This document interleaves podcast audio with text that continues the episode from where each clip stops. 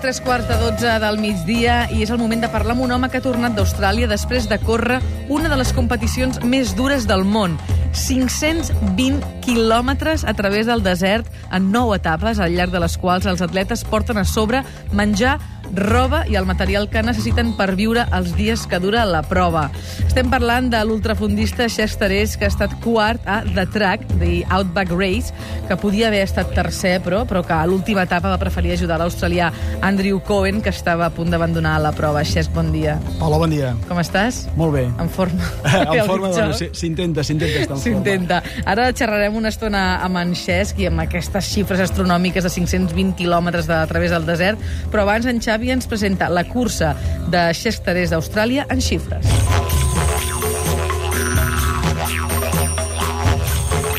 ...54 hores, 43 minuts i 16 segons va trigar Xesc Terés a córrer els 520 quilòmetres de la primera edició de The Track, The Outback Race, que ha reunit atletes de 5 continents a Austràlia.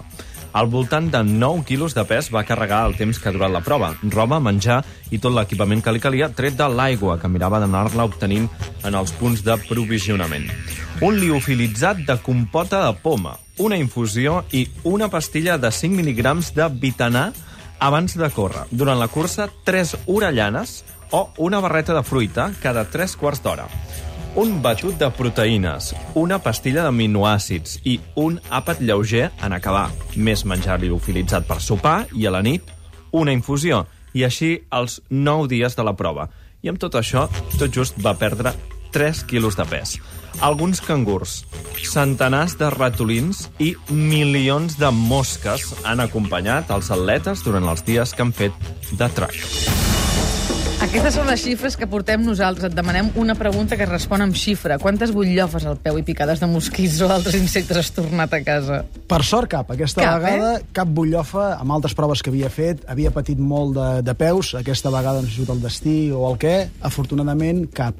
I picades de mosques, tampoc. Molt molestada portar-les a sobre sempre, però picades, cap. Per cert, que ahir vas fer la travessa de cavalls del vent pel Parc Natural de Cadí i Moixeró perquè et volies entrar una miqueta i trobar-te amb els amics. Va anar bé? Vam anar molt bé. Bueno, això d'una miqueta pica, eh? Sí, són 70 i pico quilòmetres, quasi Res, 80, home. i, home, una miqueta ja, ja és, bastant, clar, ja és bastant. Jo ja no sé on posar l'èmfasi, saps? Perquè quan estem parlant de 520 quilòmetres, 70 em sembla allò...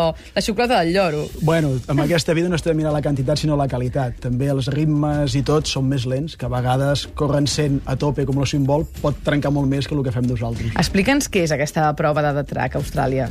Pues, bueno, és una prova d'ultradistància i que com a característica principal té l'autosuficiència, que, que és el que ha explicat molt bé en Xavi, que tens de portar tot a sobre per viure o sobreviure una setmana. És una prova que no tan sols és l'esforç físic de, de fer-ho, sinó que entra molt pues, la gestió del menjar, la gestió de l'aigua, perquè l'aigua eh, te la donen, te la van racionant, però també tens de vigilar molt bé de no malgastar-la, perquè amb l'aigua que et donen eh, tens de beure, hidratar-te, el mínim d'higiene normal i, lògicament, cuinar. O sigui que si tens un moment de molta calor, doncs no pots deixar el cervell llibre de tirar tota l'aigua per sobre perquè el més segur és que després ho puguis pagar al final el no tindre l'aigua per poder cuinar o poder-te netejar el mínim no? per poder viure. Molt bé, m'han vingut 500 preguntes al cap mentre, només amb aquesta resposta, o sigui que ens ho anem a prendre amb calma, això. Però jo quan vaig a comprar, la bossa que porto ja em pesa. O sigui, saps allò que dic, per favor, vull descarregar la bossa. Mm, com fas aquesta mena de motxilla, que ha de ser una motxilla? Sí, és una Portes motxilla, una motxilla, sí? sí, sí. Um, com la prepares? O sigui, com penses que has de posar-hi allà dins? Mm, Bueno, eh, jo faig una mica la similitud de si ho tingués de fer per força, vale? que realment pues, em tingués de transformar en un nòmade, tingués de marxar eh, a un altre punt en aquests dies, no? i intentar posar lo mínim, lo indispensable, que és un exercici que també va bé pel dia a dia, no? O sigui, a vegades quan ens anem por ahí doncs, comencem a moltes coses que no fem servir, i això compaginat doncs, amb productes que et donguin el màxim rendiment, el màxim confort, el màxim mm, energia, també, i que pesin el mínim possible i aguantin el mínim possible. En aquest sentit, per exemple, les tres orellanes o la barreta de fruites... Bueno, jo eh, sóc dels que menjo molt poc, vale? o sigui, estic de dir que jo porto molts anys dintre el món de l'atletisme i estic al volt quasi els 28 anys practicant esport, ha sigut tota una, una evolució i una adaptació a lo que és per mi l'esport i aquest tipus de, de proves, i des de fa doncs, ben bé quasi dos anys doncs, vaig començar doncs, a experimentar altres coses que m'enriqueixen molt més dintre del que és el propi, aquest tipus de, de proves. I m'agrada experimentar amb el cos i menjo molt menys Vale? Per això m'hi puc permetre una mica el luxe, tot i que vaig tindre molta gana, també estic de dir, eh? no és allò, que vaig menjar poc i anava sobrat. No, no, Però en canvi només vas perdre 3 quilos. Sí, o sigui, és una de les coses que hi he pres tot just ara. O sigui, havia fet altres proves d'aquestes característiques, no per etapes, però, per exemple, el mes de setembre em vaig fer una de 335 sense parar per tota la Vall d'Aosta, altres proves per etapes, com la Mató de Sables, i anteriorment jo era dels que doncs, bueno, menjava regularment, tal com diuen la majoria de manuals de, de nutrició, menjar cada hora, i bueno, perquè el que busques no és tan sols el resultat o, o el temps final, m'agrada experimentar el cos, aprenc molt, moltes coses que puc aplicar a la meva vida diària. I bueno, l'alimentació d'una un dels temes de que he pogut experimentar. Tu ara comentaves que aquest any has fet altres proves d'aquest tipus. Quantes es poden fer en un any? Perquè uh, la marató, que potser és... és, és no sé si deu semblar com un clauer, la marató. Però, en fi, la marató es diuen que en pots fer dues, tres l'any màxim. En canvi, aquestes proves... Jo crec que la clau és l'ambició. Si realment tu vols fer una marató amb un temps per tu, no fa falta que sigui record del món, eh? molt exigent i t'exigeixes molt a buscar temps, buscar marca, i el dia de la prova doncs, ho dones tot i et buides, doncs clar, la recuperació és molt més llarg. Jo, com t'he comentat abans, vaig passar una època de la meva vida que sí, que era doncs, buscar temps, eh, eh, buscar una classificació dintre del meu lloc, perquè bueno, soc un esportista amateur i sempre he sigut amateur. Eh, ara, en aquests moments, no busco això, busco més una experiència podem dir... Vital. Sí, espiritual, mm. o, o bueno, enriquir-me, coses que pugui aprendre, i clar, eh, el cos ho, ho viu d'una manera diferent i la recuperació és molt més bona, i si vols fer un altre curs al cap de 15 dies, una setmana, un mes, mm, l'objectiu és voler acabar eh, i t'adaptes a el que hi ha, el que et dona el cos i el que et dona el terreny. El teu objectiu és acabar, però vas acabar quart, i de fet podies haver estat tercer, i a més, a més això és així, però vas decidir que era millor ajudar un altre corredor, l'Andrew Cohen, que en l'última etapa de 130 quilòmetres volia abandonar. Vull dir, dues coses. D'entrada, um, tu dius que no, no, no et pressiones molt per fer un bon temps, però vas acabar quart i podies haver acabat tercer, per tant, Tampoc t'imagino que vas no, a la cua de les no, curses. No, no, per sort, dintre de lo que és... Doncs, bueno, uh, les proves aquestes, mm, home, guanyar tampoc, però tinc llocs doncs, més o menys acceptables, però crec que, bueno, és el que deia abans, són 27 anys practicant esport, eh, entreno com a filosofia de vida, com a norma, cada dia,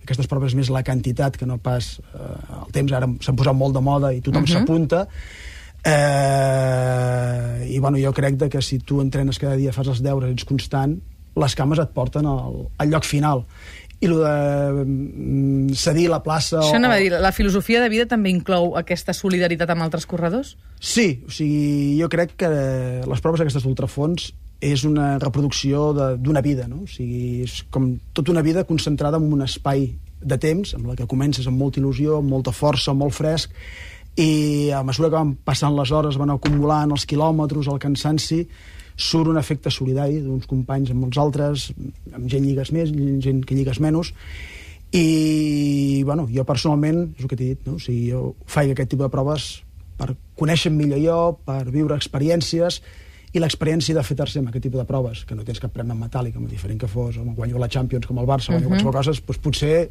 mm, o minés la vida ho canviaria, no?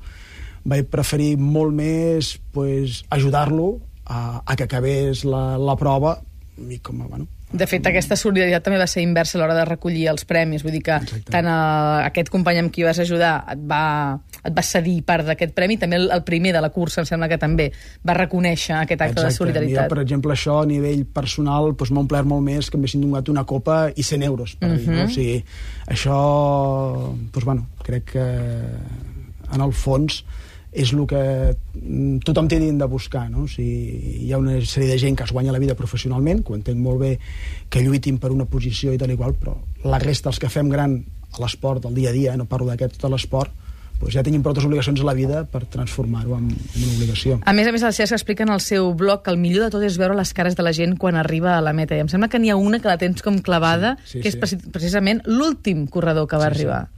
Era, era, bueno, és un noi que es diu uh, Youssef, que és cubaití, que bueno, té moltes dificultats per entrenar, eh, pel país on viu, pel, pel règim polític que hi ha, però bueno, per tot, i el seu objectiu era acabar i bueno, veure una persona quasi metro 90 eh, superdur amb rasgos superdur que dius, veus el típic macho man uh -huh. veure-la arribar plorant d'il·lusió, d'haver-ho fet de, de compartir-ho i tot doncs, bueno, són coses que per mi tenen molt més mèrit que el primer, que, que com qui diu, tota la seva vida gira entorn a això, no? O sigui, uh -huh. gent que fa molts sacrificis, o fem, bueno, en el meu cas no és un sacrifici perquè m'agrada molt, per buscar hores, per, per, per buscar l'espai, per poder entrenar, per poder eh, assolir aquest somni, no? perquè no deixa de ser un somni eh, fer-ho. Però també fa sacrificis perquè has de treballar, a més a més. Sí, però és com, a, com la persona que ara estava aquí esperant-me surt a fora a fer un cigarret i a fer un cafè, no? O sigui, forma part de la vida del dia a dia, no? O sigui, a mi l'esport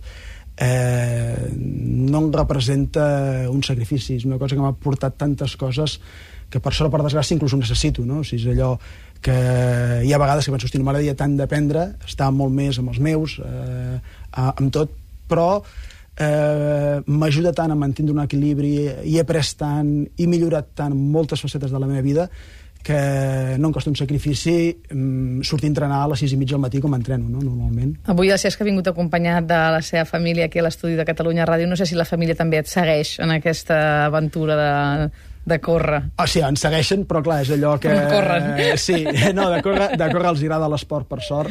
Tant la meva dona com jo, amb els nens mai amb els inculcat que facin un esport de, a la força i tot, sinó realment doncs, bueno, la filosofia de tindre un hobby, de que disfrutin, que l'esport és necessari per estar millor, i ens segueixen, però clar, ells m'han vist sempre així, ens ho veuen com algú normal, i en casa darrere cuchillo de palo, no? és allò que diuen, no? Però bueno, Escolta'm, durant totes aquestes hores hem dit 54 hores, 43 minuts i 16 segons, que és el temps en què vas fer de track, aquests 420 quilòmetres a través del desert.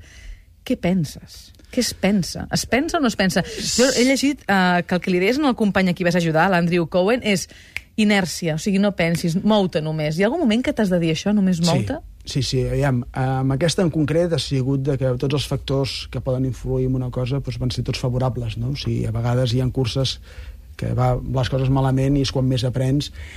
I hi ha moments que no penses res, eh, moments que vas en blanc i no et dones compte, mires el rellotge i ha passat una sèrie d'hores o, o de minuts, hi ha moments que d'eufòria, moments que et sents superfort i que creus que t'acabaràs al món i que són perillosos, perquè moltes vegades pots cometre l'error d'apretar més del compte i, i és com pagar en visa, pagues després més endavant, tothom, tard d'hora, i moments dels que et crees com una pel·lícula, tu mateix, d'intentar disfrutar de l'entorn, de, de veure tot com vas, vas desplaçant-te.